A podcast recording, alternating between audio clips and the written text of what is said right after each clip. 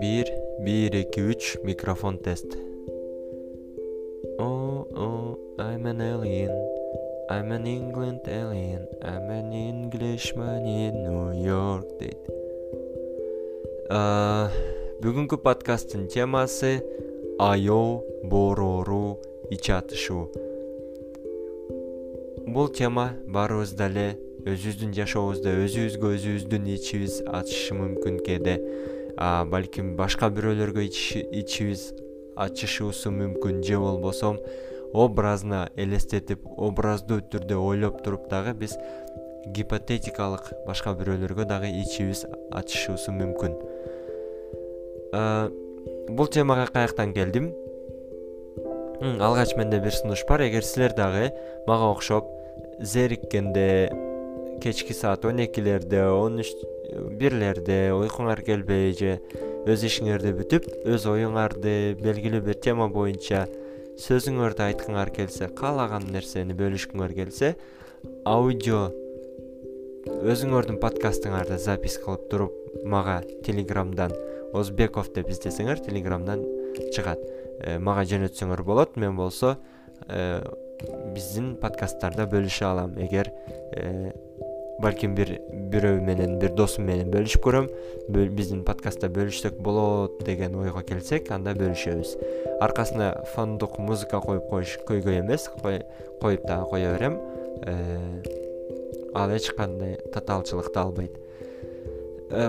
Анда мен улантайын инстаграмдан бир мышыктын видеосун көрүп калдым. Смехпетс деген э, баракчадан биздин телеграмга дагы видеосун бөлүшүп коем. Ошол мышыкты көргөндө видеодогу баяндама боюнча көчөдөгү алкаш мышыкты урганбы бир нерсе кылып эми көчөдөн бир адам ошентип мышыктын көзүн оюп алыптыр. Көрсөң мышыктын баласы мый деп аталса керек мышыктын баласы э, көрсөң ичиң ачышат байкош мындай жакшы эле ойноп атат жүрөт дейсиң да анан карасаң бир көзү жок мындай толук ишип турат да почти жок ишип бир нерсе чыгып кеткен көзүнөчү. Мындай көргөн сайын ичиң башкача болот. Анан ошол эле нерсе бул эмне? Биз интернеттен көрөбүз жакындардан көчөдөн билбейм ар нерсе учурлар болушу мүмкүн. Мындай адамда дагы. Мисалы көчөдө баратканда буту жок бирөөнү көрсөк же суукта жерде отурган аялдарды жаш балдарды көрсөк мындай бир ичибиз бай болуп кетет да балким колу буту жок инвалидти көрүп калсак ичибиз мындай бир ачышып ооруп кетет. Э, бул оорудан келген кырсыктан келген бир нерсе. Буга анан дагы башка бир учурлар бар. Мисалы өтө кедей жашаган адамды көргөндө дагы э, өзгөчө ал э, үй бүлөлүү болсо же болбосо өзү жаш бала болсо ушундай болгондо дагы бир боорубуз ачып кетет да и байкуш кантип жашап атат экен депчи. Анан кандай кыйынчылыктар бар андай мындай деп анан анын жашоосун мындай абдан кыйын элестетип э, бир боорубуз ачып өтүп кетет. Ушул эле теманы мен бир подкасттан угуп калгам. Э, эми чыгарма ал жакта чтение деген подкаст бар. Анан кыска аңгемелерди окуйт. Ошол жерде кийин эч издеп таппай койдум кайсы экенинчи автор. Ал жакта бир окуя сүрөттөлөт англия индустриялаштыруу доору башталган учур. Болжол менен миң сегиз жүз элүүнчү миң тогуз жүзүнчү жылдарга деп ойлойм. Миң тогуз жүздүн башы ортосуна чейинби ал же ортосуна жетпей калат го дейм. Эмне болот? Ал кыска чыгармада аңгемедеги окуя мындай. Бир киши болот ал болсо э, силер орусча чыгармаларды көрсөңөр керек. Мисалы ал деле эстен чыгып кетти мисалы байлар бар аристократ ак сөөктөр бар. Алардын жашоосу жыргал деп койсок болот. Материалдык финансылык жактан карагандачы. Алар эртең эмне тамак жешни ойлонбойт. Толтура кызматчысы бар. И аларды калган байлыгы жерлери кулдары эмес алардын дыйкандары деп коелу. Кызматчылары менен кошо анан алардын колунда иштеген адамдар менен кошо атасынан баласыга калат мисалы. Мурда орустарда болсо неме болгон го так эмне деп коет эле? Эми мертвые души чыгармасын эстесеңер э, мисалы тилим учунда турат эми азыр уйкусурап эстей албай атам го дейм крепостное право деген бар эле го. Мисалы бир дыйкан бир гана өзүнүн кожоюнунун жерин иштете алат ошонун айылында гана жашай алат болчу да. Башка жака көчүп кете албайт болчу. Ошонун жерин иштетип дыйканчылык кылып кызматын кылып анан ошодон түшкөндүн көпчүлүгүн ээси алып анын колундагылар болсо э, аз гана бөлүгүн алып ошонун уруксаты жок ал жерден чыга албайт болчу. Документально дагы мамлекеттик деңгээлде ошондой болчу. Эми менин түшүнүгүмдө ушундай. Ошол сыяктуу эле англияда дагы чыгармада эмне болот? Англияда бир ортомчу киши жашайт. Ал э, башкалардай дыйкан и рабочий класс эмес. Ал болсо ошол аристократ граф байлардын э, өзү аристократ бай эмес бирок өзү эмне соодагер анан услуга кызмат көрсөтүүчү адам десек болот да байларга белгилүү бир нерселерди таап берип алардын иштерин чечип берип алардын э, сүйлөшүүлөрүн жүргүзүп берип ошол сыяктуу адам ортомчу адам. Ал мындай көп бай жашабаганы менен көп кедей жашабайт. Анан кийин болсо ал ошол киши бир аз каарып калган киши болот башкы каарман ошондой. Анан ал болсо карайт кедейлердин жашоосун э, жумушчу класстын жашоосун карайт. Эртеден кечке чейин иштейт. Э, кир жерде жашайт. Үйлөрү кичине жарыктандыруучу жок. Үйлөрү мисалы кичине жерде канча баласы менен жашайт эптеп тамактарды эптеп ташып келет үйүнө. Үйгө келсе баласы ыйлап атат айнектери дубалдары сынык деп койгула да жамгыр жааганда үйүнө жамгыр өтөт. Э, анан ал болсо кечке чейин иштейт анан кечинде барып арак ичет келип үйүндө проблема чыгарат көйгөй чыгарат. Э, анан кийин болсо анын жашаган кошуналары деле бүт ошондой. Э, мындай райондо жашайт деп койсок болот. Бүт кошуналары деле өзүнө окшош рабочий класс болот өзүнө окшоп э, моряктар болот башкалар болот дыйкандар болот заводдордо иштеген эң жөнөкөй кызматчылар болот. Эсиңерде болсо э, биринчи заводдордо иштеген учурларда мурда жумушчулар сегиз саат деген мыйзам жок болчу. Он эки саат он төрт саат там он алты саатка чейин деле токтотпой иштечү аз гана акчага. Анткени башка вариант жок болчу. Башка жумуш жок болчу. Кийин эле мындай закондор чыккан. Сегиз саат иштеш керек беш күн алты күн иштеш керек эс алуу бериш керек деген нерселерчи. Мурда эс алуу жок күнү түнү иштеген эркеги дагы аялдарды такыр эле ишке да алган эмес. Ошондой кыйын ишке эркектер кирүүсү кыйын болгон эптеп кирген да. Андай ишке кире албай жүргөндөр канча болгон андан дагы кедейчиликте таптакыр эле кыйынчылыкта жашапчы финансылык жактан. Ошондой заманда ошондой адамдардын жашоосун карайт да бүт үстү кир бүт нерсеси жүдөп аткан кыйналып эле аткан өмүр бою эле төрөлүп жети сегиз жашынан иштеп анан кийин ошентип эле өлүп кетет да аягындачы элүү кырк элүү алтымышка чыгып эле оорудан башка нерседен гигиенанын айынан э, физикалык татаал жумуштун айынан өлүп кетет. Анан бул киши болсо аларды жакшы түшүнөт да аларды көрүп жүрөт анан кийин ошол эле учурда байларды көрүп жүрөт. Аристократ кирсе э, алардын үйлөрү сонун кызматчылары бүт чоктору бар тамактары ашыкчасы менен даяр. Э, мисалы эртең менен туруп пианино черткенди үйрөнөт. Андан кийин барып мисалы тамагы столдун үстүндө каттары менен тизилген. Андан кийин барып ат тепкенди үйрөнөт. Андан чыгып барып университетке сабакка барат мектепке сабакка барат же болбосо э, ага мугалимдер үйүнө келип ар түрдүү сабактарды үйрөтүп кетет финансын үйрөтүп кетет андан кийин бийни үйрөтүп кетет. Билбейм эркек балдар машыгууларга кылыч менен машыгып ар түрдүү нерсе менен машыгып анан тамак ашы дагы жетиштүү болгондуктан байлар эмне болот? Эркектери күчтүү болот. Аристократтарданчы эмне үчүн? Анткени бүт тамак ашы жайында машыгууга бүт нерсеге орду бар. Мындай толук э, мисалы эми азыркы учурдагы салыштырыш кыйын бирок мурда кедейлер рациону жакшы болгон эмес да ошондуктан кедейлер арык болгон болушу мүмкүн ден соолугу жакшы болбогон болушу мүмкүн. Көпчүлүгүнүнчү а көпчүлүк байлардын ден соолугу жакшы өздөрү э, телосложениясы деп коебуз. Дене түзүлүшү э, мындай спорттук дене түзүлүштө болгон да мындай спорттук болбосо дагы мындай здоровый деп коелу ошондой дене түзүлүштө болгон. Анан ошолорду салыштырат эми эки жакты салыштырат. Эки жакты салыштырып туруп анан чал ойлойт да и бул байкуштардын жашоосу жашообу депчи. Ушундай байкуш ушундай кедей кыйын жашоодо жашаганга өзү жарайбы депчи. Ойлойбуз да кедейлер жакшы байлар жаман деп. Бирок э, чынын караганда мисалы ошол аристократтардын арасында намыс деген сөзүнө туруу деген мораль деген алдабоочулук деген бул нерселер баары болгон. То есть кедейлердин арасында дагы жакшылар бар жамандар бар. Байлардын арасында деле ошондой эле жакшылар болгон жамандар болгон. Эч кандай перевес жок. Байлар жаманыраак кедейлер жакшыраак деген нерсе жок да менин оюмчачы. Баардык жерде у всех хватает своих дураков дейт беле. Баарынын өзүнүн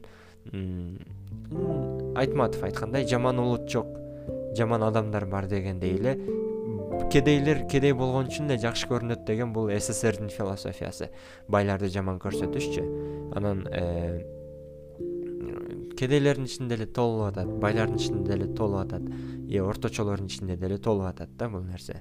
Ошон бирок мурдакы заманда караганда аристократтарда ошол мисалы англияны карайлы мындай чынында намыс болбосо дагы эл көзүнө уят муят деген сөздөр болгон да алардачы а кедейлердин арасында уят деген нерсе аристократтарчалык болгон эмес намыс деген нерсе анчалык болгон эмес. Ошондуктан э, ар түрдүү намыссыз иштерди дагы кылгандан уялышкан эмес да. Анан ошол жашоолорду салыштырып көрөт дагы э, ушундай кедей болуп туулгандын бул жашоосу арзыйбы дейт да бул эмне үчүн туулдут? Жашоосу барбы жокпу эми? Бул жашоо жашоо эмеспи деген ой келет да чалгачы.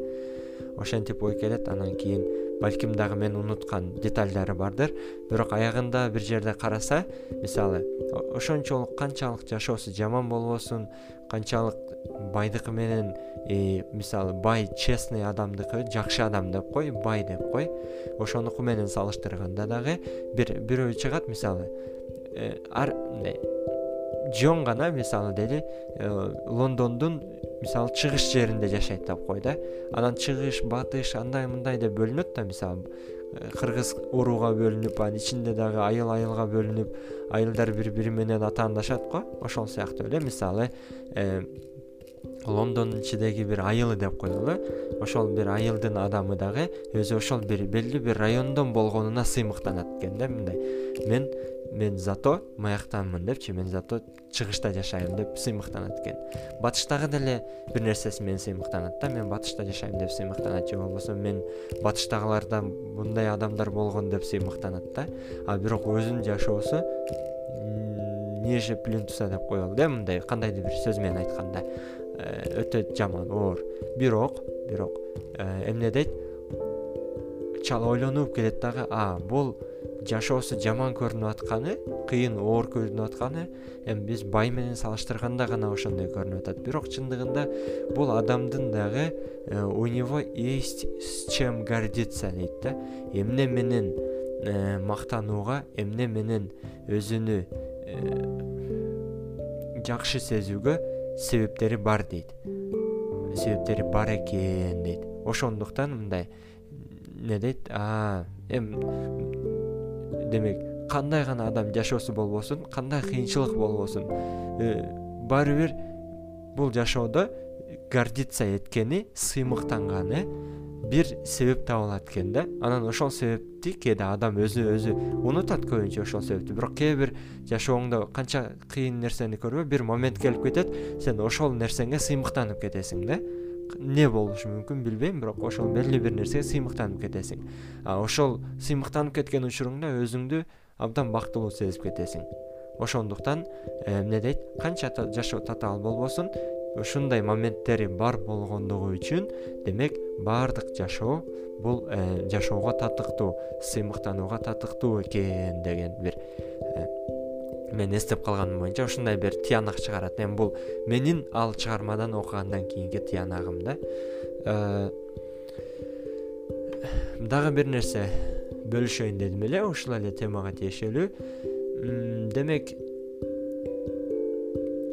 а негизи жашоо ошондуктан биз жашоону э, жакшы жаман деген нерсе өзү бул салыштырууга алып келет да. Э, мисалы эмнеге карата жакшы деген сөз бар да мисалы билбейм ошол бүт кыйын жашоодо жашап аткан мен азыр сүрөттөгөн рабочий класс барго мисалы миң сегиз жүздө он эки саат он алты сааттан иштеп аткан ошончо иштеп туруп эптеп анага жеткерлик эле акча алып аткан и өтө оор жашоодо жашаган адамдын деле жашоосу. Андан мурдакы бир убакытта эски замандарда эски замандарда жашоо начар болгон деп айтыш кыйын. Эски заманда деле э, эгин тигин жакшы болчу жерлерде адамдар жакшы жашаган.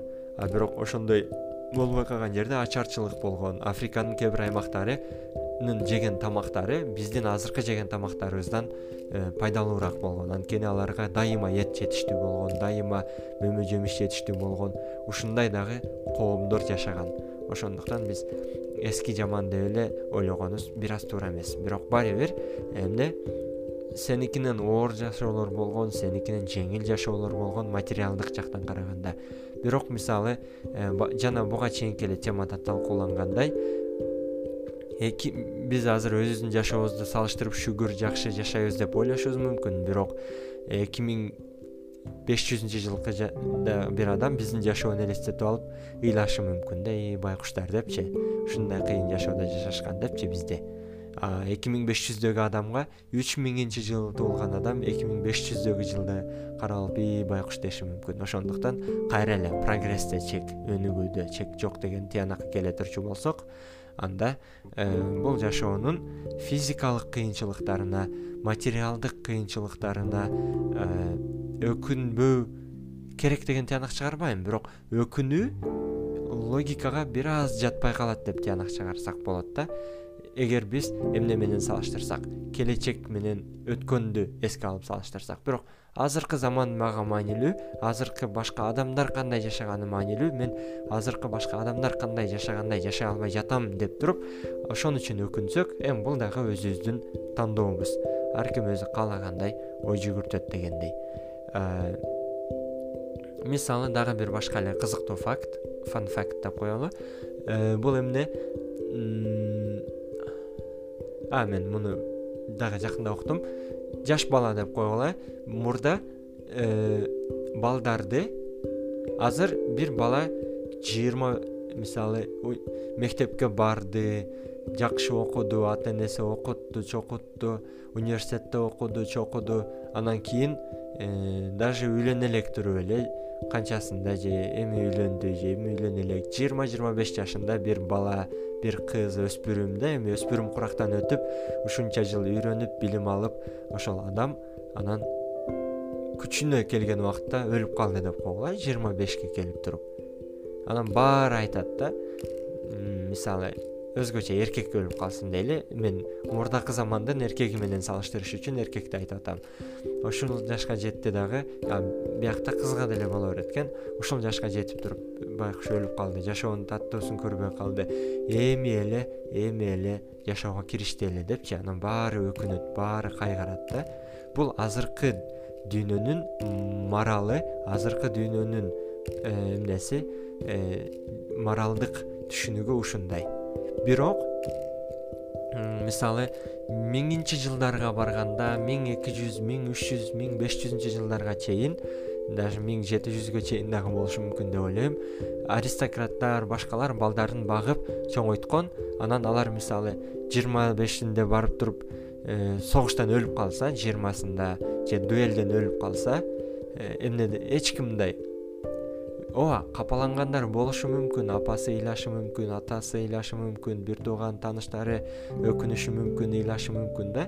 Бирок мындай сөз дээрлик аз болгон да. Ии жаш кетти байкуш ушунча жыл аристократ болсо мисалы мурдакы замандачы аны согуш искусствосуна үйрөттүк эле аны э, билим бердик эле аны адам болуп келечекте биздин эмени курат дедик эле жаш өлүп кетти деген деп өкүнгөндөр аз болгон да эмне алар болсо барып баласы согуштан өлүп калса булар мындай сюрприз деп коебуз го. Таң калган эмес да. Анткени бул көрүнүш өтө көп. Кенен кездешкен көрүнүш. Биринчиден азыркы заманга салыштырганда экинчиден болсо алар айтышчу экен да. Мы же его ради этого и воспитали депчи? Биз аны ушун үчүн тарбиялабадыкпы депчи? Мунун максаты ушул депчи. Муну баланы эмне үчүн машыктырасың эмне үчүн чоңойтосуң эмне үчүн э, согуш искусстволоруна үйрөтөсүң? Вот ушун үчүн. Барсын бир жерге барсын согушсун өлсө өлүп калсын утса утуп келсин. То есть жөн эле бул жашоо ушундай да депчи? Мындай бизге окшоп азыркы кайгыргандай стилде кайгырган эмес экен. Э, демек бул мындай. Жашоонун биз кандай кабыл алып атканыбызга жараша биздин маанайыбыз бактылуулугубуз түзүлөт. Мен эч кандай акыл үйрөткүм келбей эле. Мисалы ошон үчүн бул жактан чыгарган тыянак э, өкүнбөш керек андай мындай деп айтпайм бул. Э, ар ким өзү билет да өкүнөбү өкүнбөйбү өкүнүш керекпи керек эмеспи ал деле башка бир маселе. Э, ушундай кызык нерсе бар экен. Мисалы жаш балдарды сүйүү жаш балдарды э, аяоо аялдарды аяоо мисалычы бул деле э, ооба мурда болгон мурда деле. Бирок азыркы деңгээлчилик болгон эмес да. Мисалы мындай орточо деңгээлде алганда орто мисалы жаш баланы айталы э, он эки он жашар баланы бирөө кыйнап кечке чейин иштетип атса он эки он жашар бала кечке чейин иштеп атса э, мурда нормалдуу эле көрүнүш болгон да иштей алабы иштей берсин да. Жыгылып калган жокпу иштеп атабы иштей берсин. Иштеш керек алар депчи. Аял болобу эркек болобу бала болобу жаш бала. Азыр болсо биз карап алып туруп ии жаш бала экен иштеп атыптыр байкуш бул жаш бала иштебеш керек азыр окуш керек. Жаш бала он экиге чейин окугусу келбесе окубасын бирок мынтип кыйнап иштетпеш керек канча жашка чейин деген э, бизде эмнелер бар. Аяоо сезимдери бар да. Анан оон болсо жаш балдарды укугун коргоо жаш балдарды иштетпөө деген мыйзамды миң тогуз жүз сексендердин айланасында токсондорго жакынкы эле убакыттарда кабыл алыптыр. То есть бул азыркы мода деп койсок болот да. Азыркы биздин маданият азыркы биздин түшүнүк. Жаш баланы коргош керек жаш баланы аяш керек жаш баланы чоңоюш керек жаш бала жашоону көрүш керек деген түшүнүк мындай популярдуу да. А мурда жаш бала ооба өлсө ыйлаган кайгырган бирок мынчалык деңгээлде болгон эмес да. Эми жашоо адам же жашта өлөт же орто жашта өлөт же карыганда өлөт деп эле бул как она есть деп коебуз го. Кандай болсо ошондой кабыл ал көбүрөөк кабыл алган да мындай жалпылап алгандачы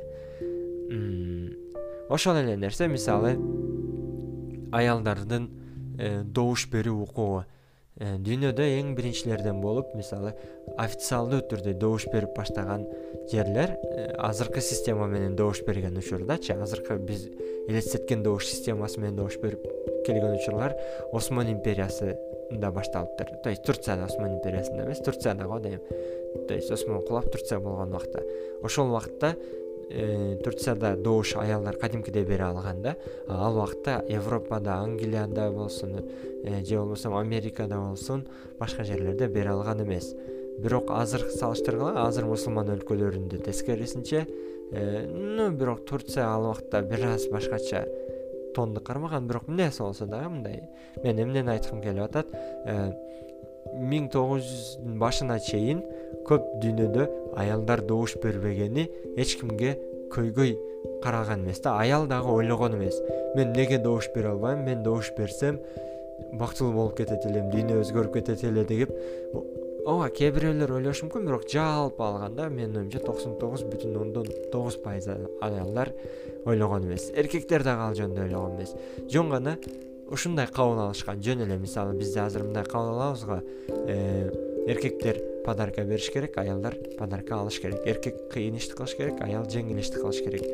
Э, деген нерселер да мисалы туурабы ошол сыяктуу эле алар дагы ошентип эле кабыл алган да эркек добуш берген барат аял добуш берген барбайт депчи анан аял бериш керек деп ойлогон эмес. Көпчүлүк учурдачы мындай то есть мен оюмду түшүндүңөр окшойт. Демек бул эмне?